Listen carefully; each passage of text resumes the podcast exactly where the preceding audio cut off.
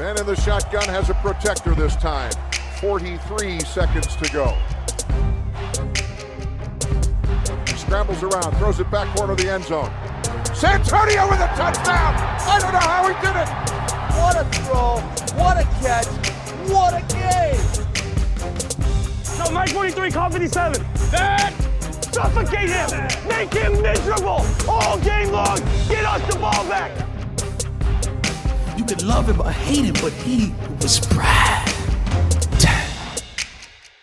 Hej, du lyssnar på veckans NFL med Mattias, Lasse och Rickard när vi har spelat fyra veckor av NFL-säsongen och eh, den första månaden är avklarad, Lasse.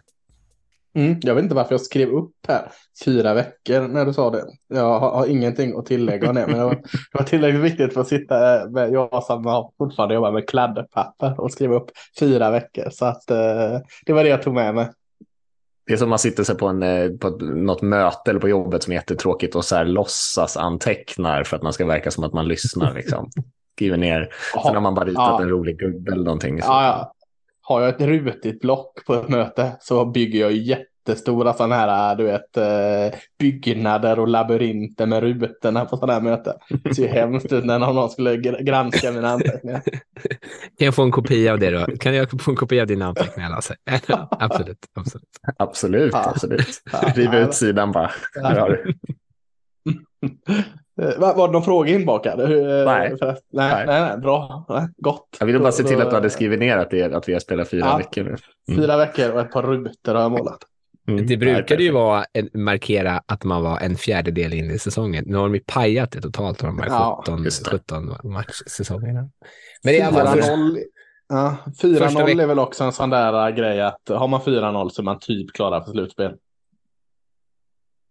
Mm. Ja, det låter Det kanske bara rimligt. sitter i mitt huvud att eh, 4-0 då är du, då är du i slutspel. Ja, jag vet Ja. att jag någon gång har brukat titta på de där procenten någon gång, men de gäller ju inte riktigt längre nu eftersom de håller på och mixar så mycket. Det finns liksom ingen, eh, det finns ingen ordning och reda längre i Nej. NFL-schemat. Det är bara 49ers och Eagles som det gäller för. Alltså. Mm. Så Mm. grattis. Färdiga till slutspel. slutspel. Skönt, skönt. Eh, ja, men hur är läget med dig då, Rickard? Är det bra? Eh, Det är jättebra med mig. Jättebra. Eh, inget, ingenting att tillägga. Är det bra Nej, med det dig. Mattias? Nej, jo då. Det, det rullar och går, som de säger. Mm. Eh, vi ska prata lite grann om, eh, om lite överraskningar idag, eller kanske rättare sagt saker som har överraskat oss hittills in på säsongen. Eh, det skulle man kanske kunna översätta till saker som vi har haft fel på också, möjligtvis. Men eh, eh, så vill vi inte formulera det. En positivare spin och säga att det, att det har överraskat oss. Ja, exakt.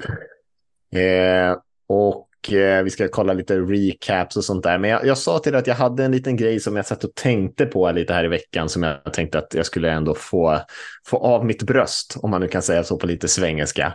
Eh, lite lite sån här lätt irritation som jag har gått och burit på. Och det började vad egentligen gott. lite... Ja, det började lite grann, Rickard, när du skickade ut eh, ett klipp där på det här sista spelet i Chiefs-matchen här från veckan. Nej, det var inte sista spelet, men det var ju ett, ett väldigt avgörande spel i den här Chiefs-Jets-matchen eh, som blev eh, väldigt jämn. Eh, och, eh, och det var liksom hyllningskörer överallt till Chiefs där, trots att det var en helt liksom, uppenbar holding på Chiefs offensiva linjespelare när Mahomes sprang och plockade upp massor och massor av yards och konverterade till en first down där i slutet.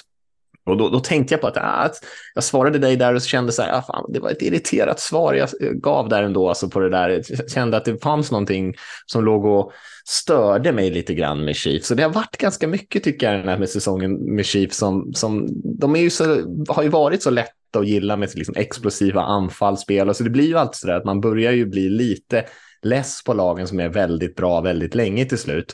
Och man vill ju försöka undvika det där. Patriots-effekten. Ja, men Mm. lite Patriots-effekten, exakt. Att de liksom, man tänker att de, "Nå, nu den här gången så är det någon som rår på dem, men sen så vänder de alltid i slutet ändå. Men nu tycker jag ändå det har varit en hel del med kanske den här quarterback-dokumentären som gick, där med Holmes. Jag tyckte att här, han gav inte något så här superbra intryck i den, tycker jag, jämfört med de andra två. Eh, han är ju ändå liksom en fantastisk spelare såklart, det behöver man ju knappt säga. Och han, är liksom, han verkar ju vara en ganska schysst kille, men lite så halvstörig personlighet. Nu har vi hela den här Taylor Swift-grejen. Det är inte riktigt Chiefs fel, men på något Och det är sätt inte Taylor Swift fel, det tycker jag bara. det är, nej, det är ju liksom ingens fel förutom möjligtvis NFLs fel som liksom ändå tar det, tar det lite kanske för långt. Men det, det blir ändå någonting lite störande där omkring. Och sen så hade vi det här på försäsongen om ni kommer ihåg där när Mahomes gjorde någon han hoppade på ett ben precis vid sidlinjen och kastade liksom när han var utanför plan. Eh, och då blev det också så här, man, alltså, om man håller på så där, då får man liksom räkna med att bli tacklad liksom, när man är på sidlinjen. Det är inte bara liksom, fantastiskt, han utnyttjar ju någon form av eh, glitch där, att försvararna liksom inte tacklar quarterbacks när de är så där långt ut längs med sidlinjen. Och så det här holding-spelet, och jag, jag tycker bara att liksom när man läser folks kommentarer, bara åh, Mahomes, han är så otrolig, oj, oj, oj, fantastiskt, ännu ett sånt fantastiskt Mahomes-spel. Och så ignorerar helt att det var liksom en helt uppenbar flagga och att det var inte något speciellt spel överhuvudtaget, hade inte kunnat springa någonstans utan den där holding-flaggan. Så tänkte jag att, att det, det börjar bubbla upp lite irritation hos mig att det finns en sån otrolig eh, okritisk hyllning av Chiefs hela tiden och allt som händer runt omkring dem. Och i den här matchen senast, Chiefs Jets, eh, Mahomes var inte ens den bästa quarterbacken i den matchen. Eh, och det blir ändå en sån otrolig liksom, hyllningskör på något låtsas eh, fejkspel som aldrig borde ha hänt. Eh, så att, nej, jag vet inte, jag känner mig lite, lite irriterad på Chiefs just nu. Woo! Jäklar, det här, det här är göttigt. Du är ändå, brukar ändå vara den här poddens eh, voice of reason eller något sådant liksom som eh, jag hör vad du säger, ja, medan jag och Rickard i, i bångstyriga i vårt tyckande och sen får krypa till korset och säga att vi har fel. Men, men detta var uppfriskande. Det är nästan som det är så här, psykolog här med att, att du går bara ut och lägger dig på soffan och bara, "Ja, jag, jag har saker att lätta här från mitt hjärta, från mitt bröst. Eh, trevligt att höra. Jag, jag, jag, jag blev så fascinerad så jag vet inte ens om jag håller med eller inte. Jag är bara glad att du fick, fick ur dig detta. Jag gillar framförallt att höra Lasse skratta liksom, medan du pratar. I liksom så här, bara, ja, låt ondskan flöda i dig. liksom. så något sorts elak mentor. Ja. Nej, men jag kan hålla med. De får ju så mycket, ganska mycket fluff pieces. Om man jämför med typ Patriots under tiden Patriots var så bra, då liksom målades de ju också upp som den här stora skurken och Belichick som den sån här onda hoodie-killen på något vis. Men eh, allt som skrivs om Chiefs är typ att Mahomes är så otroligt härlig, att Kelsey är så charmig och att eh, Andy Reid är liksom världens härligaste människa. Och på sätt och vis så är de ju kanske det, men det är ju inget, den blir ju inte, de har inte fått den här skurkrollen, eh, utan de blir snarare liksom lyfta till skyarna om och om, och om igen. Så det förstår jag absolut att man tröttnar på. Framför, det gör man definitivt som rivaliserande eh, supporter. Skrivs det verkligen Ja, att du- Kelsey är här, härlig? Han är ju en av de mest störande spelarna i NFL just. Skrivs det att han är, är, är god så? Hans, hans bror är ju god sin helsike. Han är ju bland de godaste i NFL. Men eh, Kelsey Chiefs är ju riktigt jäkla, eh, jag vet inte vad. Eh, Alltså, nu går i jag mitt- igång här också, vad I trevligt. mitt Alltså, flöde så dyker det ju upp. Det är, det är podden dyker ju han ju upp och det liksom skrivs om att han är så charmig och härlig där och alla tycker att han är fantastisk i det bröderna Kelseys podd. Jag kommer ju bara ihåg det när de vann Super Bowl senast och han gapade No one believed in us. Jo, alla gjorde det i ett jävla huvud. Eh, ja, nej, fan, jag går igång här också. Det är bra. Nu, nu jäklar börjar vi hatet mot Chiefs. Ja, det är bra. Jag kommer aldrig slänga Andy Reid under bussen, men, men resten är jag med på. Ja, nej, jag håller med dig där också. Det var ju också störigt, hela den här grejen att ingen trodde på oss när de var liksom det högst eh, rankade laget i NFL. Eh, är också lite störigt. Det är lite som, ja, nej, man, man har hört det där förr från andra lag, men, eh, men ja, Chiefs, det lägger man på kanske på den här listan av lite små irriterande grejer. Och precis som du säger där, Rickard, när Patriots var som bäst där, de fuskade, det var liksom Mm. Det var det massor av snack, de hade så mycket tur och, och, och liksom domarna blåste alltid åt Bradys håll. Alltså det var väldigt mycket sånt där som var anti-Patriots när de vann så mycket. Men det är väldigt lite sånt kring Chiefs. Och det känns som att de kanske har lite, det kanske är dags för dem att få lite skit nu också. Vi Verkligen. bräschen här med, med uh, Chiefs som någon form av antichrist här. Det, det, ja, det är Ja, fräscht. ja, ja. Mm.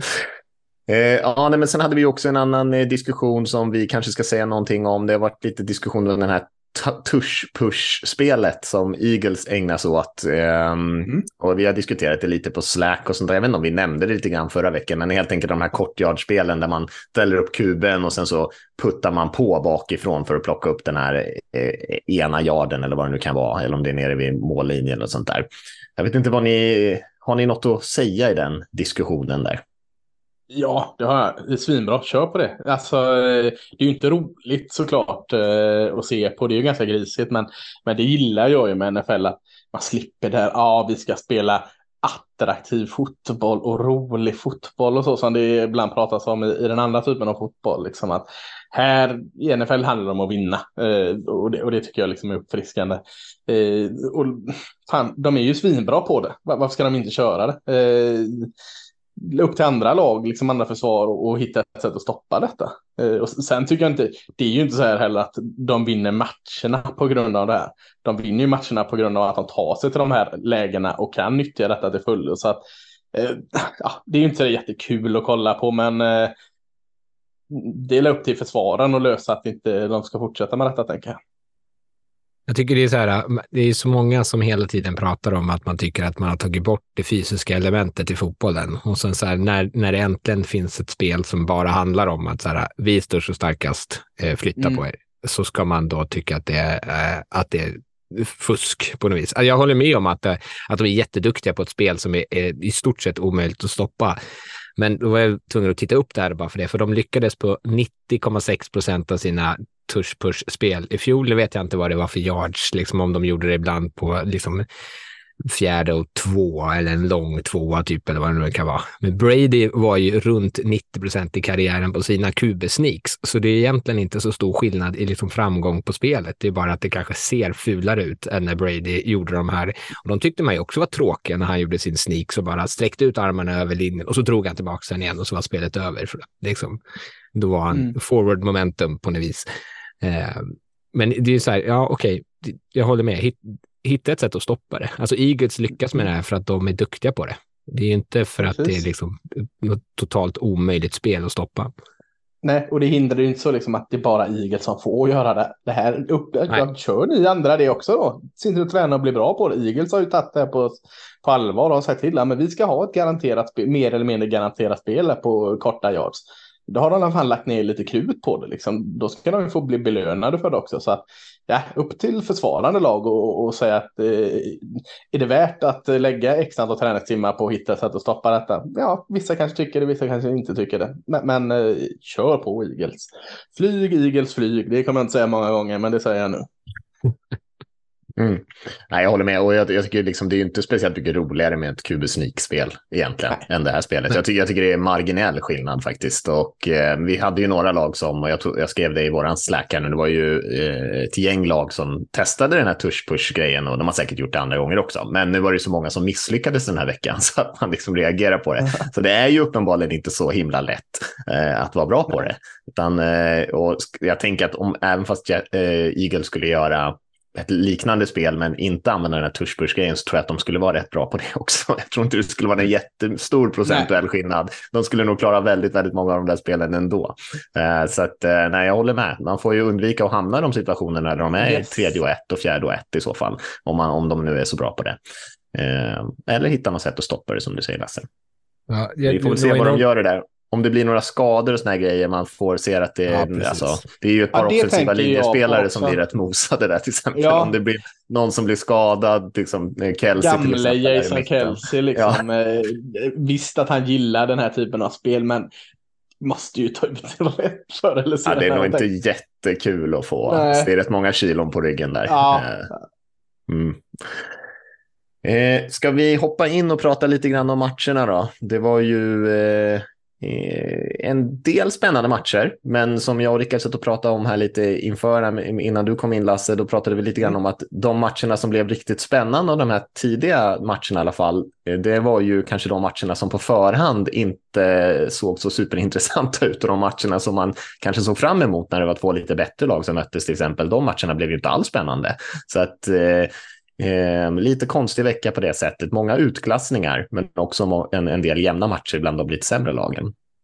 Ja, vi, den matchen som var liksom snackisen inför var ju Dolphins-Bills-matchen och det var väl den som de flesta hade på eh, klockan sju. Eh, sen kanske man gjorde som jag och bytte match alltid. Typ för att då kändes det som att de var över. Bills spelade så otroligt bra. Eh, man tänkte att hur ska någon någonsin kunna stoppa det här Miami eh, anfallet som slängde upp 70 poäng på Denver och så går Bills in och håller dem till 20, vilket är skitimponerande, medan deras eget anfall bara trummar och trummar och trummar. Ja, Josh Allen slutade väl med en perfekt passer rating tror jag, mm. 158,3 eller vad det nu är. Och då räknar man inte upp de spelen han gör på marken heller. Nej, nej, eh, nej, jag håller med dig. Och kanske skillnaden i den här matchen är väl kanske att Bills är lite mer balanserat lag än vad än vad Dolphins är. Att man är bra på båda sidorna av bollen. Man spelar otroligt aggressivt försvarsspel i den här matchen och det var ju stor press på Tua. Och Tua mm. gjorde lite misstag. Men han är ju den typen av spelare också. Det är ju därför han får de här stora statsen när, när det går bra för dem. Att han är ju lite av en gunslinger på det sättet. Så han, han pratas ju inte på det sättet riktigt eftersom han är han har inte den här stora armen och sådär, men han är ju fortfarande en spelare som sällan tvekar. Liksom, han släpper ju iväg bollen när han tänker att han har sin read där och är pressen på honom, då fortsätter han kasta bollen och, och då kommer ju misstagen om, om det liksom inte funkar runt omkring.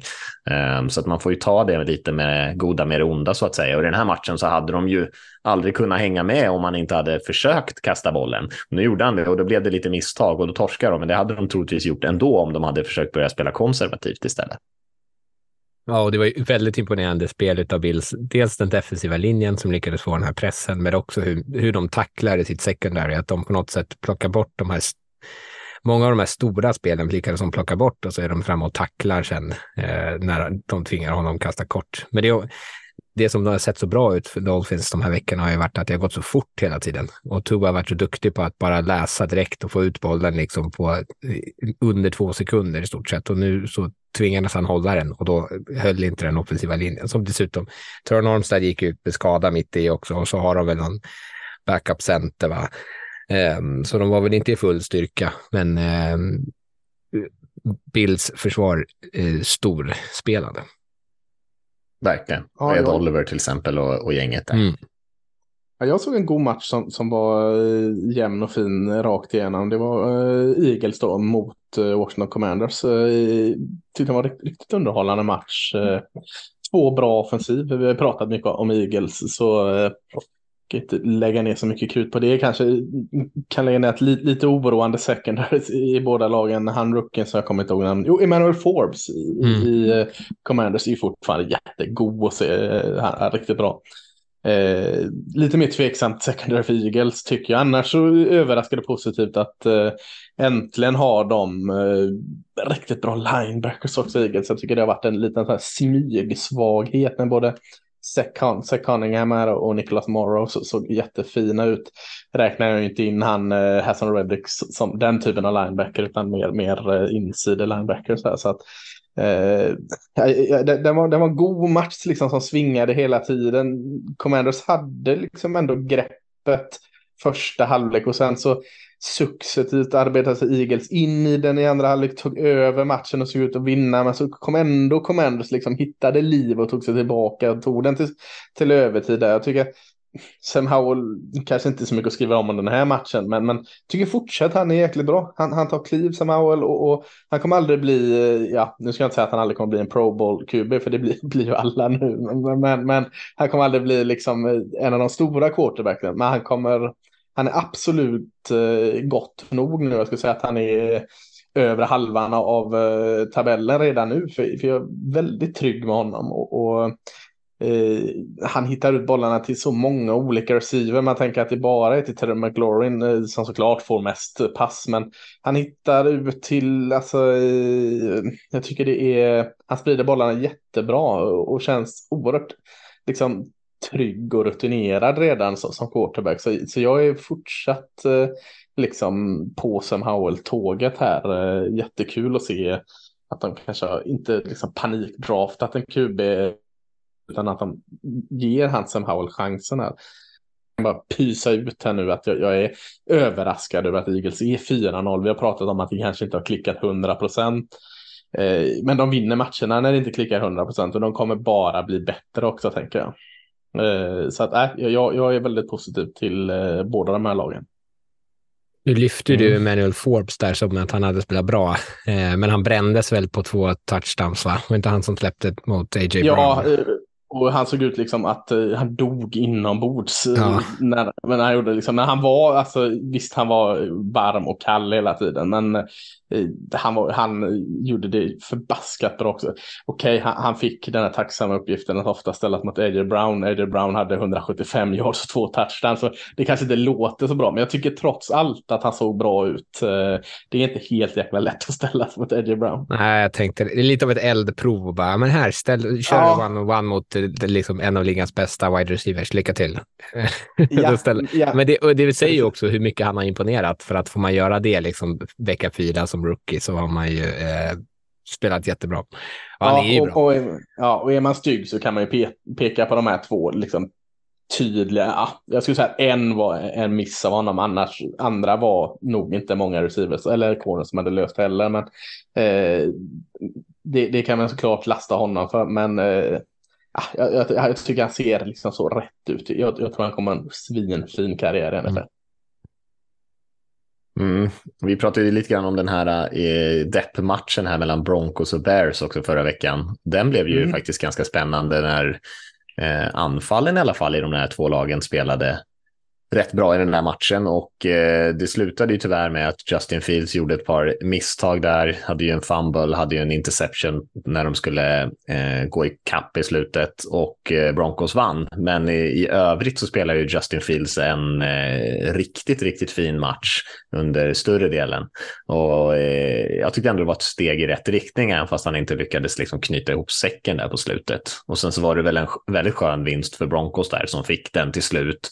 Eh, och man lyckades, Wilson spelade en effektiv match och lyckades sätta Mm. några stora spel också, sånt där som, som han är bra på och borde fortfarande vara bra på. Eh, så att eh, det var ju en underhållande och, rolig match och eh, för Fields ett steg i rätt riktning tycker jag. Men ja, de torskar ju ändå och ligger 0-4 nu, men ja, den blev rolig ändå. Mm. Äh, jag- såg, eh, dels såg jag ju Raiders-Chargers-matchen då, eh, men så såg jag också i fatsen såg jag Browns, eh, eller Ravens-Browns-matchen. Och, och båda där två rookies, när Dorian Thompson Robinson och Aiden O'Connell fick väl lära sig att så, så som det, NFL ser ut under försäsongen ser det inte riktigt ut sen under den ordinarie säsongen. För båda imponerade under försäsongen, men nu så såg det otroligt mycket mer knackigt ut. Långt, höll bollen i fickan båda två, var obeslutsamma och stressade och gjorde massa misstag. Eh, och Connell hade ju tre fumbles, en interception och blev säkrad sju gånger totalt tror jag. Eh, såg jävligt skakigt ut. Men Raiders hängde ändå i, höll på, eh, höll på att eh, gå in och kvittera mot Rams, eh, nej mot eh, Chargers som eh, Ja, i en match där kanske två huvudtränare tog tveksamma beslut. Ett- det ena efter det andra efter det ena.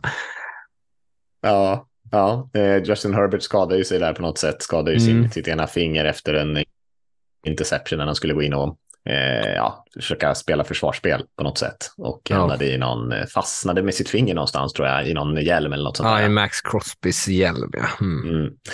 Eh, och han kanske helt enkelt bara skulle ha flyttat sig ur den situationen istället Ja. för att eh, kötta in där. Eh, men ja, och så hade vi ju ännu så här, vi pratade om det förra veckan, då hade de ju gått på det på fjärde nere i, på, på egen planhalva och nu gjorde man det igen. Man förstod ju nästan att de eh, att han inte skulle backa här, eh, coachen där eh, i Chargers Mm. och att han liksom kör på sin eh, filosofi Staley. Men eh, de misslyckades ju igen nu då. Och förra gången så pratade vi ju lite om vad de använde för play call och den här gången körde man ju den här tush push kubesniken med en skadad Herbert då. Eh, Och en backup center. och, och en backup center. Så man Eller kan ju diskutera vad han väljer för, liksom, vad han väljer för play calls i de här situationerna. Men de bommade ju igen och höll på att liksom tappa den här matchen. Nu gjorde de ju inte det den här gången heller.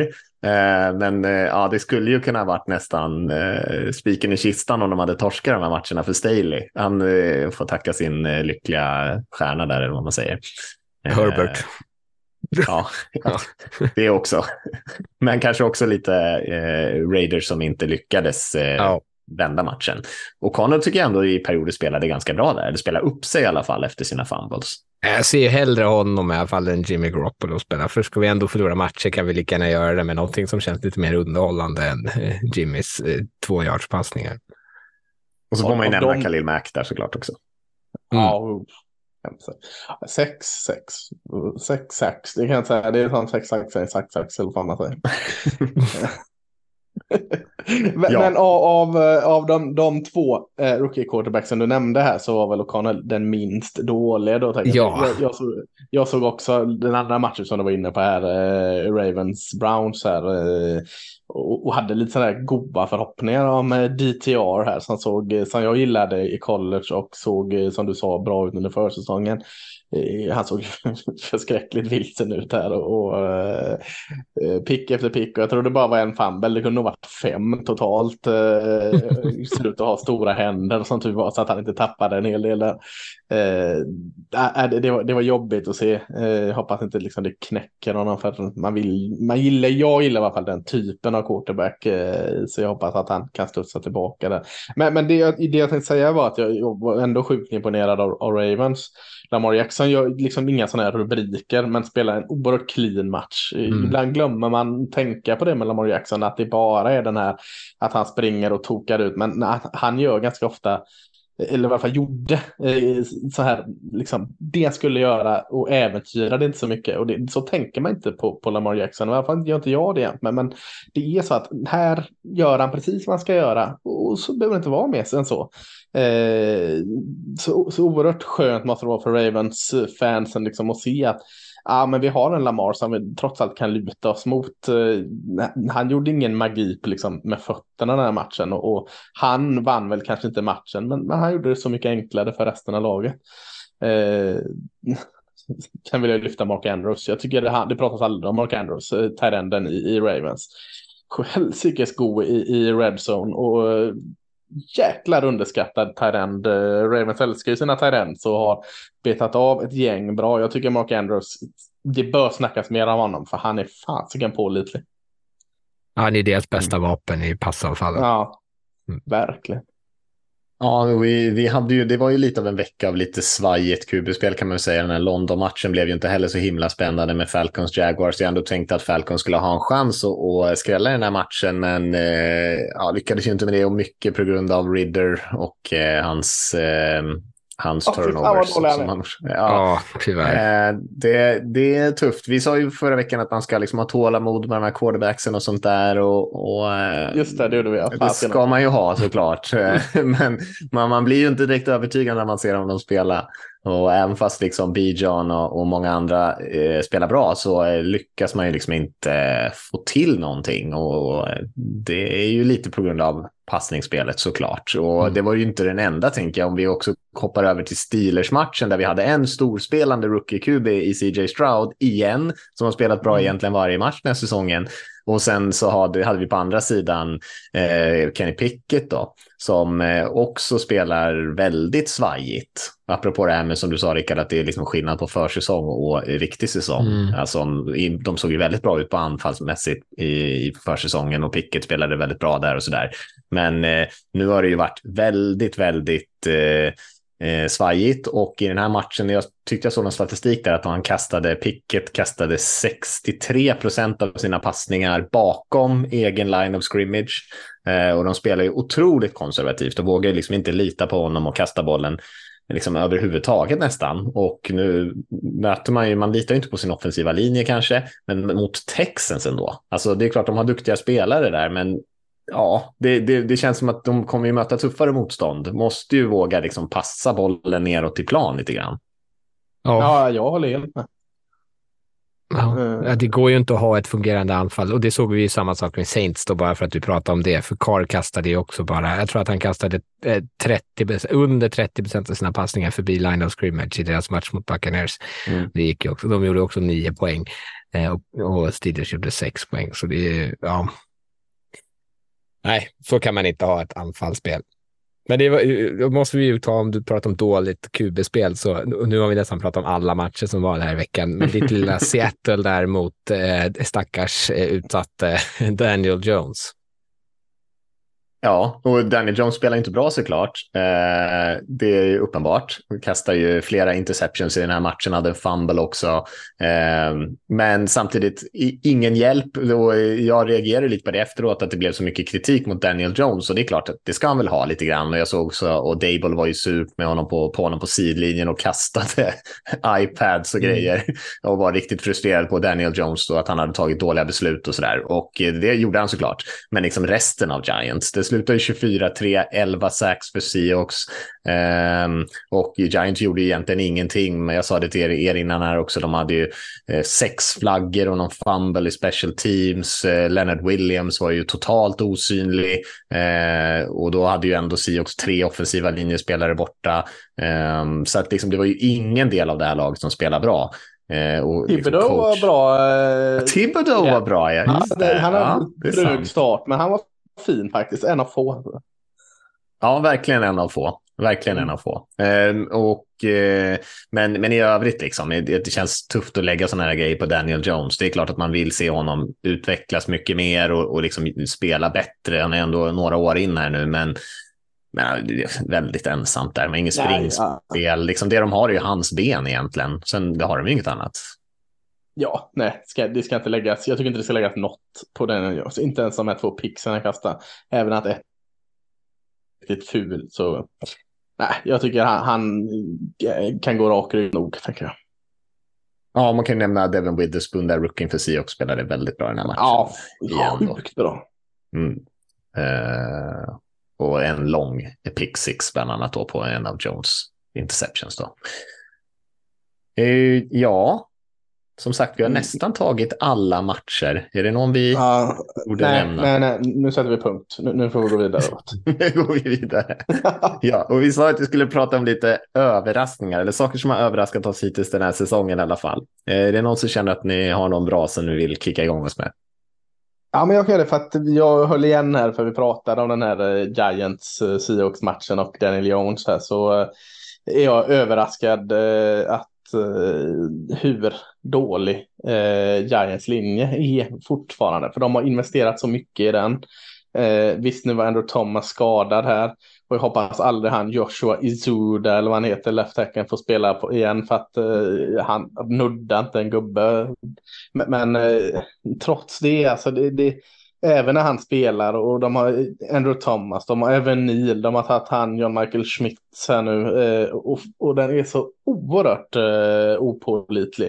Det har varit flera år, de har spelat som inte har kvar längre så de har tagit högt heller. De träffar aldrig rätt med sin offensiva linje. Så, eh, jag är överraskad överlag att Giants eh, inte är bättre i år. Jag, jag trodde de skulle fortsätta tuffa på. Eh, men, men framförallt väldigt eh, negativt överraskad över hur den här offensiven då totalt faller på grund av deras offensiva linje. Ja, nej, jag håller med. Och det, jag tycker det är överraskande att de är så pass dåliga som de är. De är ändå ganska mm. många bra spelare på pappret. Eh, mm. Och även fast de har tappat lite, Barkley har varit borta och sådär, så borde de ändå eh, ha en högre lägstanivå än vad de har visat än så länge. Ja, de har, inte en kube kanske som löser de här problemen som uppstår av att de inte har en bra linje och så har de inte så många vapen på utsidan heller egentligen. Men man hade ju, för det som gjorde att man kanske trodde att det skulle gå bra, att man hade högt förtroende för Dable, liksom på ja. grund av vad de gjorde i fjol. Precis, mm. och då, då kändes det som man gjorde liksom ett år för tidigt, lite som vi pratade om Bengals här när de var i Super Bowl, att det var egentligen ett år för tidigt. Det var inte Giants i Super Bowl, men det kändes som att deras framgång förra året kanske inte skulle komma ett år utan kanske skulle börja komma nu och så stagnerar de istället och, och inte alls hittar rätt. Så där är jag överraskad. Ja, eh, jag sticka ut, eh, eller ja, skämmas då här över att eh, nuvarande ledare i, i, NFC South är Tampa Bay Buccaneers på tre vinster. Eh, de ska ju då enligt mig inte vinna fler matcher och knappt ens ha vunnit de här tre. Eh, så mm. där, är, där är jag eh, positivt överraskad.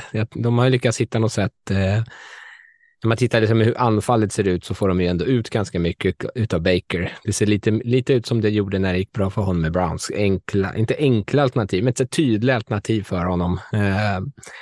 Eh, inte så, så här äh, röriga passningar eller passningskoncept, utan han får ut bollen ganska fort. En spelare kastar mycket ut mot sidlinjen, ganska tacksamma passningar. Ehm, så de har ju lyckats. Jag trodde inte heller att den här tränarstaben skulle kunna få ut så mycket av honom eh, som de har lyckats göra. Eh, så väldigt imponerad av eh, Bucks så länge. Ja, Ja, jag senast tappade ju det. han, eh, de tappade ju Evans senast också, men då kom liksom Brookin Thompson in där och, och, Mm.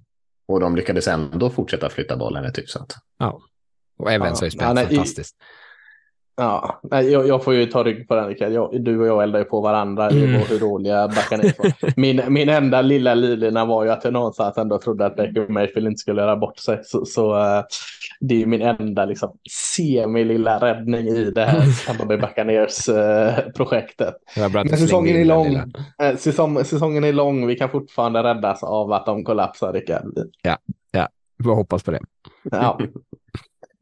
Ja, konkurrensen i divisionen ser väl kanske inte så där svettig ut. Eh, Nej. Det är väl det Nej. som kanske kan rädda dem så att de kan ta några vinster till här. Ja, matchen mot Saints där, där man tänker att Saints är en av de stora utmanarna och eh, de liksom, ja, kanske har lite skador och sånt där, men, men ändå liksom inte lyckas riktigt åstadkomma någonting mot det här Bucks-försvaret. Mm.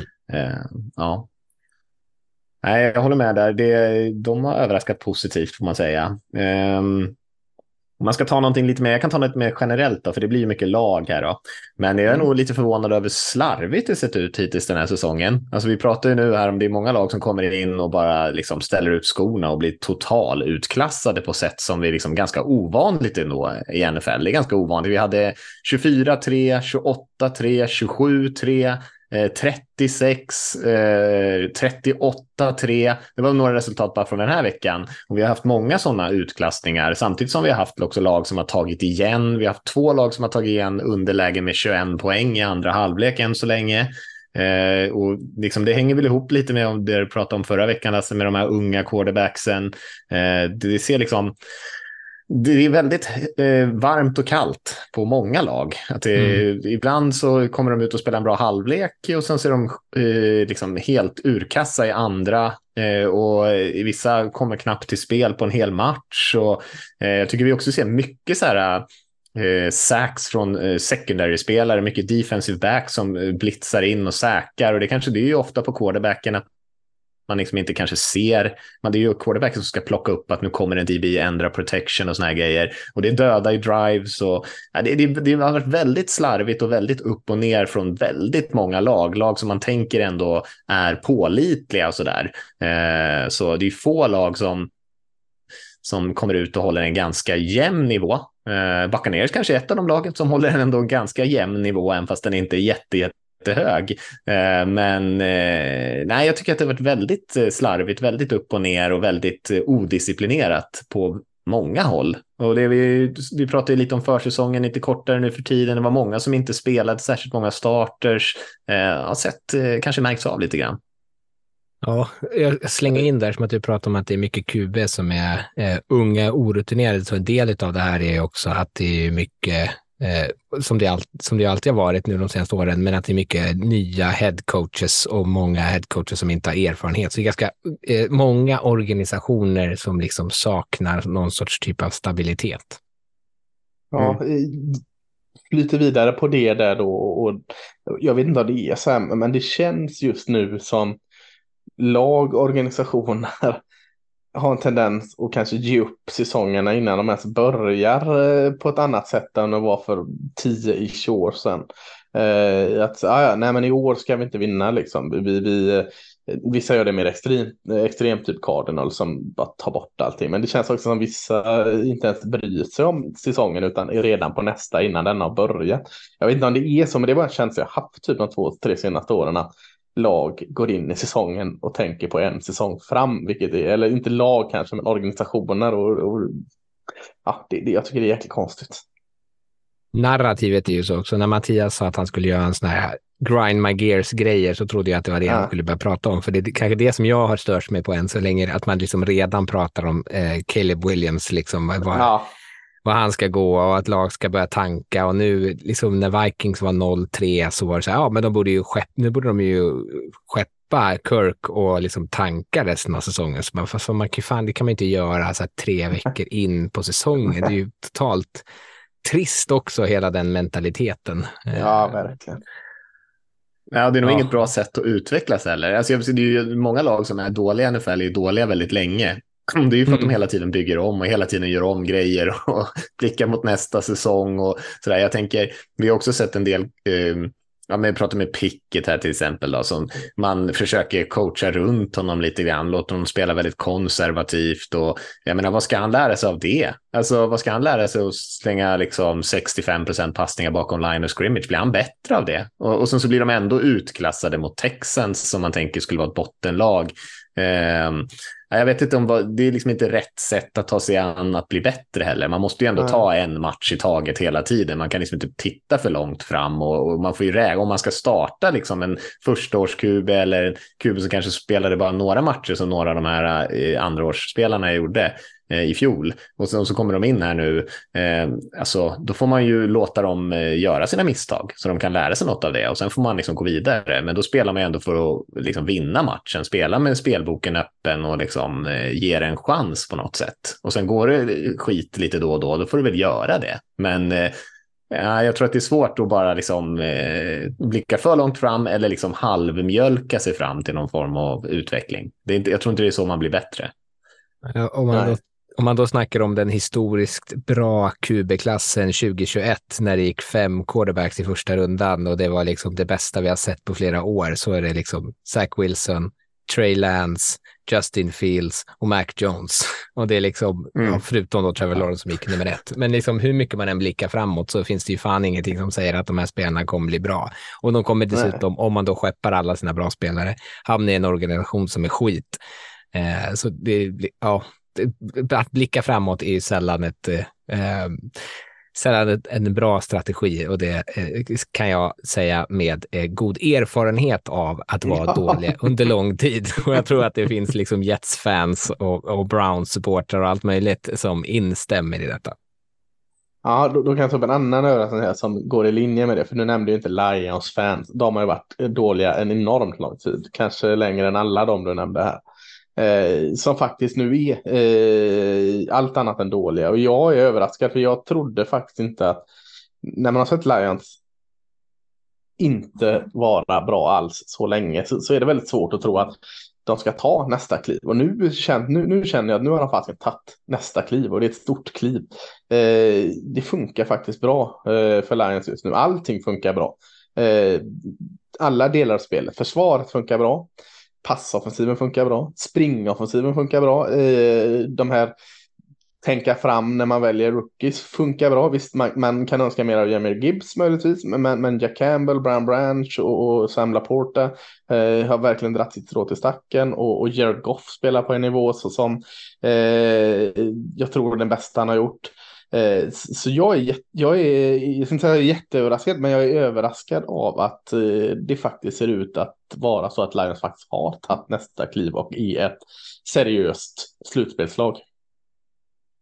Mm. Och de fick ju mycket skit för att de draftade också spelare som de typ Ja. ska ha nu. Alltså positioner som eh, kanske lite enklare att komma in på. De draftar running backs och linebackers och sådana här grejer.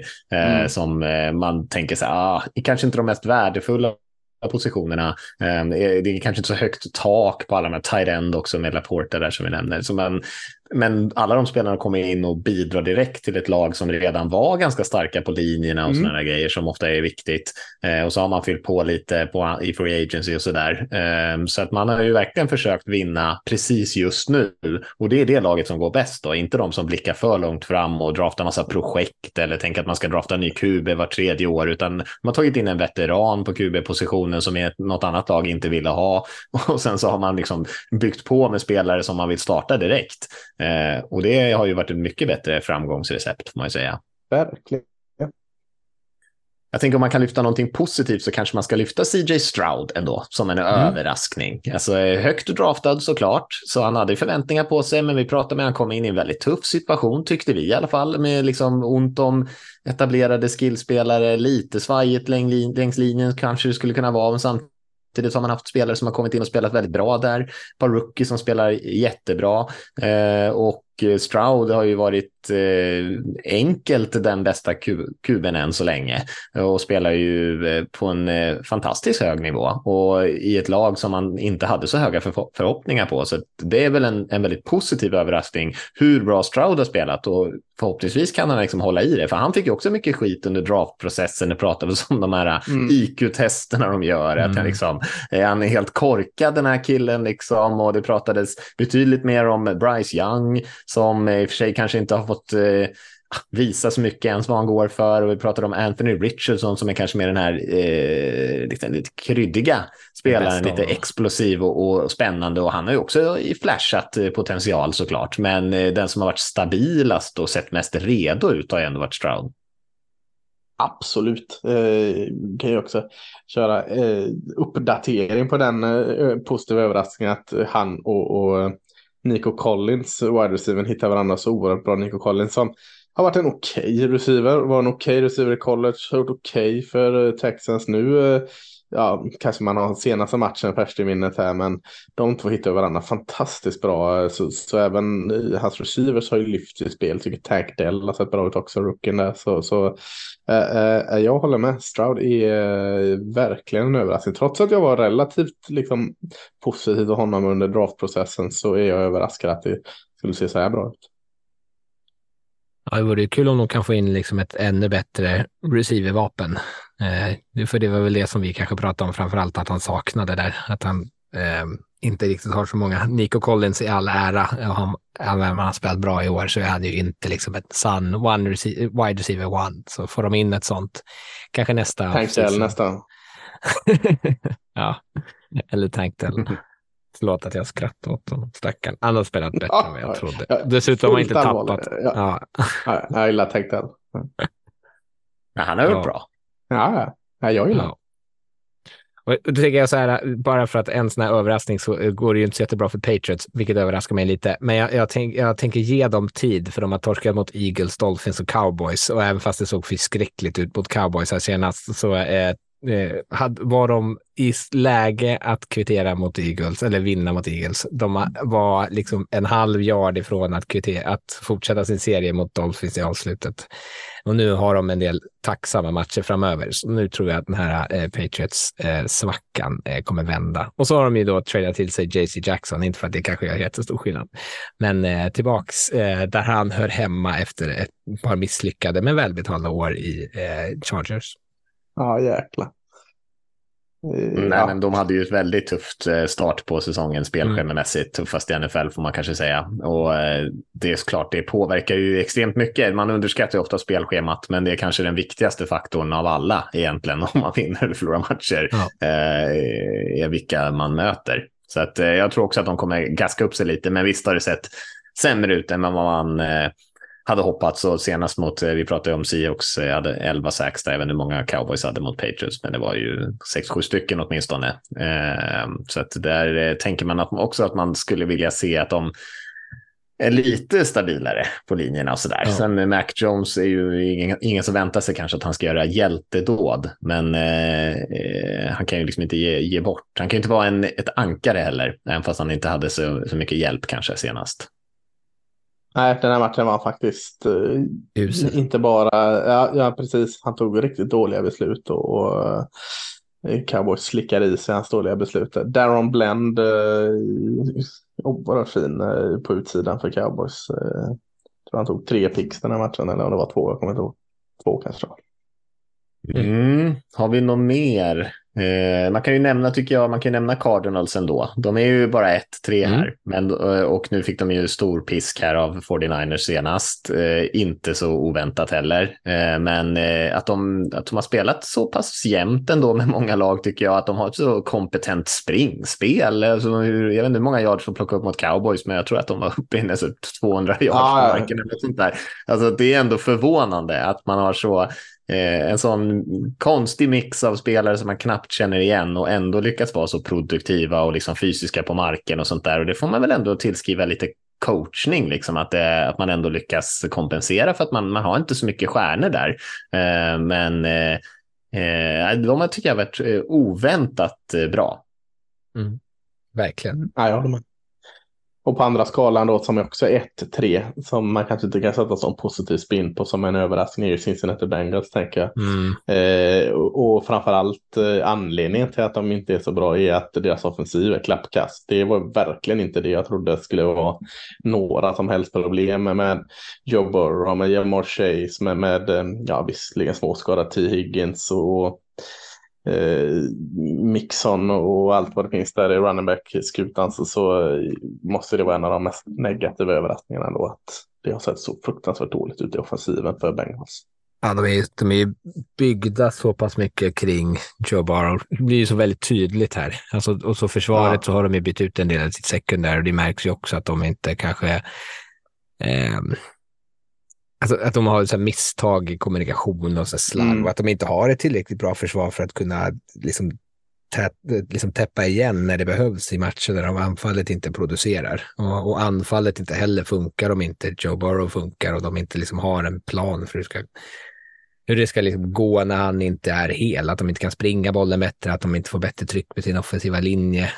Um, Nej, de är ju verkligen, hela EFC North förutom Ravens skulle man ju kunna säga en besvikelse också för Steelers så som det pratades om dem i försäsongen och Browns, eh, hur anfallet fortfarande har problem även när Sean Watson spelar fastän försvaret är fenomenalt bäst i ligan. Så och, kommer de ändå inte vinna så jävla många matcher om inte anfallet Nej. steppar upp. Eh, så AFC North som man trodde skulle vara en sån här powerhouse-division där alla skulle vinna i alla matcher utan, förutom mot varandra så eh, ser det ju, är ju bara Ravens som ser bra ut och de har också massa skador. Mm. Jag har inte någon så mycket mer överraskningar just nu tror jag. Har ni någon mer som ni tänker på? Inte direkt. Nej, inte. Brams är bättre än vad jag hade trott och eh, Puka Nakua ser bra ut, men han har vi tjatat om i evigheter. Så. Mm. Men den kan man slänga in i alla fall. Kanske mm. en, en, snabb överraskning och slänga in också att jag trodde inte Jets skulle se så dåliga ut även utan Rodgers. Jag trodde det skulle finnas lite mer krut i dem. Men det kan vara så också att de luften gick ur dem och detta är en reaktion. Ja. Ja, så är det ju. Zach Wilson som spelar bra senast där. Se om mm. han kan få lite medvind av det. Innan dess var det ju snack om att det, liksom, det skulle bli revolt i omklädningsrummet för att de tycker att Wilson var så dålig. Men han spelar ju väldigt bra senast mot mm. Chiefs. Mm. Mm. Eh, ska vi hoppa in och kolla lite på nästa vecka då kanske? Mm. Och det är väl kanske lite blandad kompott i kvaliteten på matcherna där. Det är ju... Eh, Dålig kompott. kan, man, kan man säga också. En eh, inte välsmakande kompott. Men eh, vi har ju eh, London-match igen. Jaguars Bills. Jaguars stannat kvar ju på den sidan av eh, havet eftersom de spelade i London här i helgen också. Så att nu kommer Bills över eh, och kanske kan eh, det göra den matchen lite mer spicy, jag vet inte. Ja, det är intressant att se i alla fall vilken fördel, eller om det är en fördel, men det borde det rimligtvis vara, liksom ha anpassat sig till sovtider och allt möjligt. Eh, om det är någonting som ska ge dem en chans mot Bills så är det väl eventuellt då eh, rese eh, och logistik för Bills som gör det lite, lite tuffare. De har ju levt på den engelska kosten här en vecka. Det kommer ju vara eh, uppror, kö. Bönor och korv och... Ja, mm. precis. Äta en jävla eh, malt vinegar på allting eller vad det är. Så, ja, det kommer vara sur, surt i kistorna på, på jägspelarna. Så det är ömsom vin, ömsom vatten och stanna i England för länge. ja, ja, det är också en vinkel. Ja. Mm. Eh, det, var, det är min takeaway på den matchen. Så sen kan, kan vi gå vidare kanske till, det är inte sådär våldsamt mycket superspännande sju matcher va? Ja, Titans Colts tycker jag känns lite kul eftersom det är inom divisionen och det ändå känns som att eh, eh det är väl de som också ska vara med och göra upp om eh, divisionsvinsten där tillsammans med Jaguars. Eh, så det ja, känns alla... ju lite roligt tycker jag. Alla, är ju 2-2 i divisionen mm. än så länge. behövs ju någon som eh, tar täten. Det sa man i och för sig om divisionen även förra året. Eh, men eh, det, den här typen av matcher kommer i alla fall kunna vara direkt avgörande sen då när det, liksom, när det väl ska, någon väl ska vinna divisionen. Mm, Titans försvar tycker jag har eh, överraskat på mig Mm. positivt. Där. Så det, det ska bli kul att se. Liksom, visst, nu pratade vi om Bengals bedrövliga offensiv som, som de hade inga som helst problem med senast. Så det kanske är en kombination av en ej fungerande enhet och en fungerande enhet. Men, men jag tycker jättemycket eh, klickar, i, i, i varje fall av det jag har sett med Titans. Eh, har ett par underskattade spelare förutom de här självklara. Jag vill fortsätta prata, han är väl gammal Colt-spelare också, han Denico Autry som eh, edge rushen där eh, som, som fortsätter spela bra och, och med Simmons och Landry och, och, och eh, en, ett secondary som blir bättre och bättre för varje vecka tycker jag. Innan har det varit mycket Kevin, eh, Kevin Bayer och där safety som, som har liksom styrt där bak. Men jag tycker eh, Fulton kommer in i det. McCreary tycker jag ser helt okej ut. Så att, eh, ja, eh, Titans känns eh, fortfarande lite kanske som ett varannan vecka-lag. Och det kanske man är om man är Mm. 2-2. Men, men, men eh, det känns ändå som att eh, det är en kul match med det Titans och då med Colts som eh, Rickards favorit eh, Richardson är tillbaka så blir det ju ett, ro, ett roligt lag att, att liksom eh, kolla in. Jag tror också att Jonathan Taylor är tillbaka, borde vara tillbaka till den här veckan för Colts. Jag har förstått att han har börjat träna i alla fall och eh, är, görs, börjar göra sig redo. Och faktiskt, så han, han ska spela den här matchen. Ja, jag vet inte om han eh, liksom, de har sagt något tydligt där än så länge. Men eh, han är ju närmar sig i alla fall. Så om han inte kommer till spel nu så, så borde det ju vara veckan efter åtminstone. Så att, och då blir det ju lite extra krydda i det här Colts-laget. Så Det känns ju som att eh, Richardson också eh, är liksom trendar åt rätt håll på något sätt. Känns som Mm, att eh, ja. Colts kan nog bli bättre och bättre ju längre den här säsongen går. Ja, jag var tvungen att kolla. Ja, han har kommit, eh, Taylor är tillbaka och tränar den här eh, veckan. Kan han spela mot Titans? Could be, yes, sa Shane Steichen. Så eventuellt att han spelar. ja, det vore ju kul. Det vore ju kul. Verkligen. Verkligen. Och då får, kan man ju få ett, eh, om, om han är pigg och i form så kan det ju bli ett eh, väldigt spännande springspel med Richardson och, och Taylor där tillsammans som en duo. Och eh, då kan du ju trolla fram lite anfallsspel. Och försvaret, eh, det finns mycket gott där också. Mm. Mm, nej, jag håller med. Jag tycker det känns som en Eh, rolig match. En annan sju match som kanske inte är så rolig då, men en klassisk match är ju att Ravens åker och möter Steelers. Eh, en, en eh, het divisionsmatch ändå som eh, jag har svårt att se att Steelers hemma är, är, är tunga och i de här divisionsmatcherna så, så kan man ibland slänga form och kvalitet åt sidan. Men, men jag har svårt att se att eh, Ravens inte ska ånga på här. Eh, överraskad att deras försvar har varit så bra trots skador och jag trodde liksom att det var lite generationsskifte i det försvaret. Jag tycker de har spelat eh, riktigt, riktigt fint av det jag har sett. Eh, eh kanske inte mot toppklassoffensiv toppklass offensiv då i, i eh, vecka 1 mot Texans och Bengals och, och Browns. Eh, sen förlorade de mot Colts där. Men, men eh, ja, jag, jag tror eh, Ravens kommer många på här och Lamar ser ut att vara i form. Men ja, det är ju intressant att se för att hur eh, det här som vi har tagit upp en miljon gånger att en viss coach i Tomlins här aldrig hamnar under eh, 50 procent vinster. Börjar bli lite svettigt här nu. Alltså, man tänker att de borde ut komma ut med liksom lite eh, motivation att, att liksom tvätta bort den där förra veckans match i alla fall. Ja.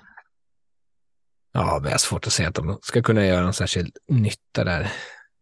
Ehm, för jag hoppar vidare till, någon, till tio matcherna, för det finns inte så Ja. mycket annat bra sju. Eh, det är inte jättegott om bra tio matcher heller, men den som jag kanske tycker känns roligast där är eh, Philadelphia Eagles mot Los Angeles Rams. Eh, Rams som har liksom sett mycket bättre ut än vad man hade väntat sig. Cooper Cup kommer tillbaka nu, så både han och Puka Nakua får vi se vem som kommer få 20 passningar per match.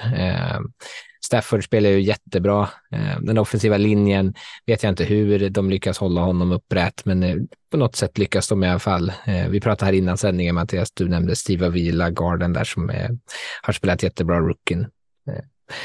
Och ett, ett Eagles-lag som visserligen är 4-0, men de har blivit det på ryggen av ganska eh, fula vinster och mot ganska dåliga lag. De har vunnit mot Patriots, Vikings, Bucks och eh, Commanders, så det är ju inte riktigt att de har mött eh, jättemotstånd. Nu kanske inte Rams det heller, men de är i alla fall tillräckligt bra och åtminstone tillräckligt bra coachade att de kan liksom eh, skrälla lite. För Eagles känns fortfarande som ett lag som håller på och bryter in nya eh, koordinatorer. Eh, även fast försvaret har spelat bra, men de har ändå släppt en del pinnar. Eh, så eh, jag skulle inte alls vara förvånad om Rams kniper den matchen. Eh, nej, det känns, som, det känns som det kan bli mycket poäng i den här matchen eh, med tanke på att eh, Eagles svaghet är ju fortfarande deras secondary. Mm. Och som du säger, Stafford spelar riktigt bra nu och är då Cooper Cup tillbaka. Och man kan ha, fortsätta på Puka Nakua där och Tutu Atwell har väl stagnerat en aning men, men finns ändå där trots allt. Så, så känns det ju spännande att de faktiskt kan skada eh, Eagles försvar och eh, också som du, både Mattias och Rickard sa, är att hur den här offensiva linjen just nu funkar. Det, det vet jag. Om jag ställer mig frågan att Giants inte prickar rätt med alla de här jäkla draftvalen de upp på sin linje så är det ju kanske nästan lika konstigt hur ändå, jag ska nästan säga att han har spelat bra. Eh, Rams offensiva linje med, med, du tog upp Mattias eh, Noteboom här left tecken som har sett riktigt bra ut. Eh, Avilia, Rookin och, och eh, ja, resten av gänget har gjort det liksom dubygligt. Så, så det är nästan lika överraskande som att Giants linje spelar dåligt är det att Rams linje spelar bra just nu. Så att eh, jag tror de kan liksom sätta poäng på Eagles. Men Eagles kommer också samtidigt kunna sätta poäng på, på Rams. Eh, kanske lite mm.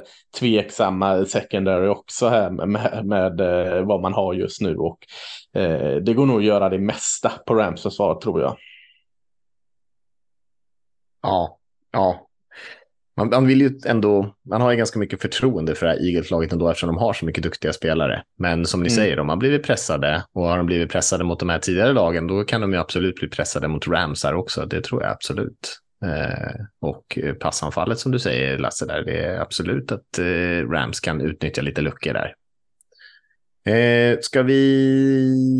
Eh, vi kan väl nämna lite kort Chiefs Vikings. Känns ju som att den skulle kunna bli lite intressant. Eh, man tänker att Chiefs borde ju kunna göra ganska mycket poäng på Vikings, men, eh, men Vikings kan ju ibland eh, få till en sån där match där de öser in rätt mycket poäng de själva. Eh, så det är väl räddningen för dem om de lyckas hänga med lite grann där och Cousins och Jefferson har en riktigt stor dag. Chiefs har inte heller direkt jätteövertygat i, i sina matcher än så länge, även fast man är 3-1. Så man tänker att det är stor fördel för Chiefs här. Men eh, för Vikings kanske lite mer motiverade. De har ju verkligen eh, eh, de är ju pressade verkligen att ta alla vinster de kan komma åt här om de ska göra någonting av den här säsongen. Mm. Låter, låter nästan som något emot Chiefs här, Mattias. Kan, kan det vara, det vara skönt att de blev dittvålade faktiskt av Cousins.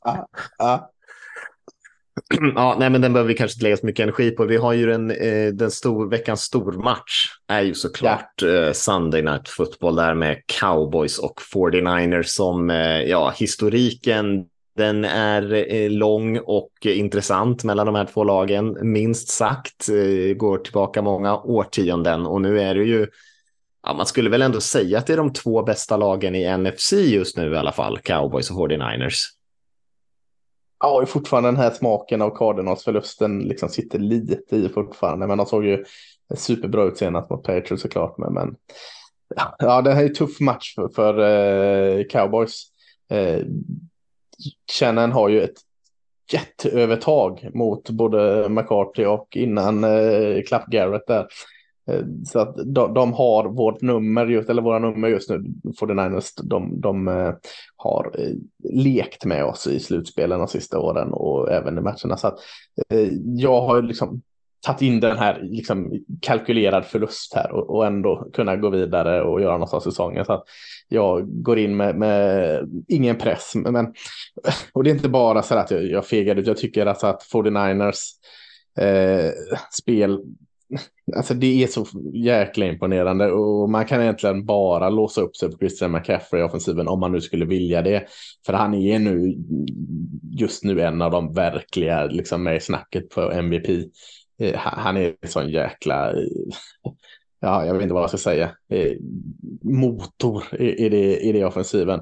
Och då har de ju ändå liksom Brandon Ajuk, Debo Samuel och, och och allt sådant. En, stark nog offensiv linje. Man har då Brook Purdy som jag visserligen inte är, är såld på, men, men i, sånt system, i systemet där George Kittle glömde jag också för övrigt. Eh, de har många spelare. ja, liksom så att är, är det så här att Cowboys försvar just nu spelar på en jättehög nivå. Eh, Diggs skadar säsongen ut, då, då går Darren Bland ut på utsidan och gör en svinbra match där.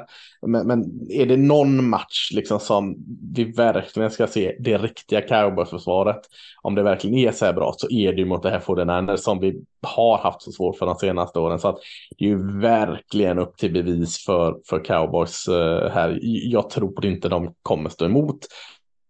Och tillräckligt i alla fall, för jag tror fortfarande inte heller att eh, Cowboys offensiv riktigt är det vad de ska vara än för liksom att kunna vinna den här matchen själva. Ja, jag, jag tänker också, du, du, när du nämner den här coach-fördelen eh, så lyssnade jag ju på eh, The Play Callers-podden eh, som, eh, fan du tappade, var det om det var Athletics som släppte den eller inte. Jag tjatade om den i alla fall under för, när vi pratade försäsongsfotboll. Mm som handlar om Kyle Shanahan och hans eh, fascination för det här Seattle Cover 3-försvaret. Så han har ju eh, en ganska god förståelse för det. Jag har ju anlitat tidigare koordinatorer som kan det där systemet. Men han har, han, han har nyckeln till det här Seattle-försvaret yeah. och, och, Dan Quinn som är den defensiva koordinatorn kommer ju från det trädet och, och yes. är, ju, är ju ganska trogen till sitt system. Så jag tror att Shanahan där vet liksom så här ska jag attackera cowboys och för att få bort för det som gör cowboys så jävla bra är att ni får era bästa spelare i bra positioner att vara bra, men det är ett ganska simpelt rent strategiskt eh, liksom system oh, ja. som Shanahan, om någon, eh, kommer, eh, vet hur han ska attackera. Ja, så är det ju. Så det är ju lite, lite sån eh, fördel för dem rent på det taktiska och som ni säger också, de har ju så många olika spelare så att vissa matcher, liksom säger Debo Samuel och Kiddle till exempel, är inte ens involverade och man gör ändå liksom 30 poäng. Mm. Eh, och McCaffrey är en del av det. Brock Purdy hade väl en 95 procent eh, completions här senast och ja. spelar ju liksom väldigt, väldigt effektivt eh, i det här systemet och eh, missar ju knappt en passning. Och eh, det gör ju att det, man flyttar ju bollen väldigt, väldigt enkelt och smidigt och man kommer knappt till third down liksom för att man har redan plockat upp en first down innan dess och, och där. Så att de är ju extremt svårstoppade och som ni är inne på också väldigt balanserade, att man är bra på andra sidan bollen också. Cowboys mm. försvar mm måste ju göra en stor match som eh, Lasse säger. Mm. Sen eh, tycker jag att anfallet har spelat bra ändå. Prescott har ju gjort en väldigt fin säsong än så länge och städat upp lite av de där misstagen som han drogs med i fjol. Eh, mm. Så att, att, jag tror att det kan bli, jag tror han kan hålla den här jämn ändå, men det är klart man måste spela på sin, sin högsta nivå på försvaret för att sakta ner det här 49ers lite. Men väldigt rolig match ändå. Man tänker att de här två lagen kommer säkert mötas i slutspelet så småningom också, så mm. det är lite försmak på det kanske. Nej, kan, kan vi på något sätt slippa att mötas i slutspelet? Jag är så trött på att åka ut mot 49ers. Ja, då måste ju någon annan NFC-lag ja, slå ut Kan inte något annat lag lösa Oklart vilka det skulle vara. Måste det hänga på oss varje år och slå 49ers? Kan vi inte få Eagles eller något? Ja, det skulle vara kanske Eagles som, eh, som har chansen att slå ut 49ers då. då. Annars ser ja. det ju lite tunt om utmanare. Om man inte är ja. riktigt såld på Lions eller något sånt där annat. Eh, men ja, nej men kul. Det är ju en riktigt stor match såklart. Om man hade skissat upp vilka två lag man skulle vilja se mötas just nu så är det ju inte så många andra. Det är ju de här och kanske slänga in ett Bills där som är rätt heta just nu och sådär. Men mm. eh, nej, det ska bli väldigt roligt att se i alla fall. Verkligen. Och nu har vi ju börjat med lite bye weeks också nu, så vi har ju fyra lag på bye här. Browns, Chargers, Seahawks och Buccaneers som vilar också den här veckan. Så att det är lite färre matcher än vad det brukar vara. Mm. Eh, ja, är det något mer ni vill tillägga om matcherna som kommer här? Inget alls. Vi, näm vi nämnde att det var en i London, så man är beredd på det. Och, och annars behöver vi väl inte säga så mycket mer, tänker jag. Nej, då gör vi inte det. Och så säger vi tack för oss för den här veckan så hörs vi nästa vecka. Det gör vi. Ha det fint. Ha det bra.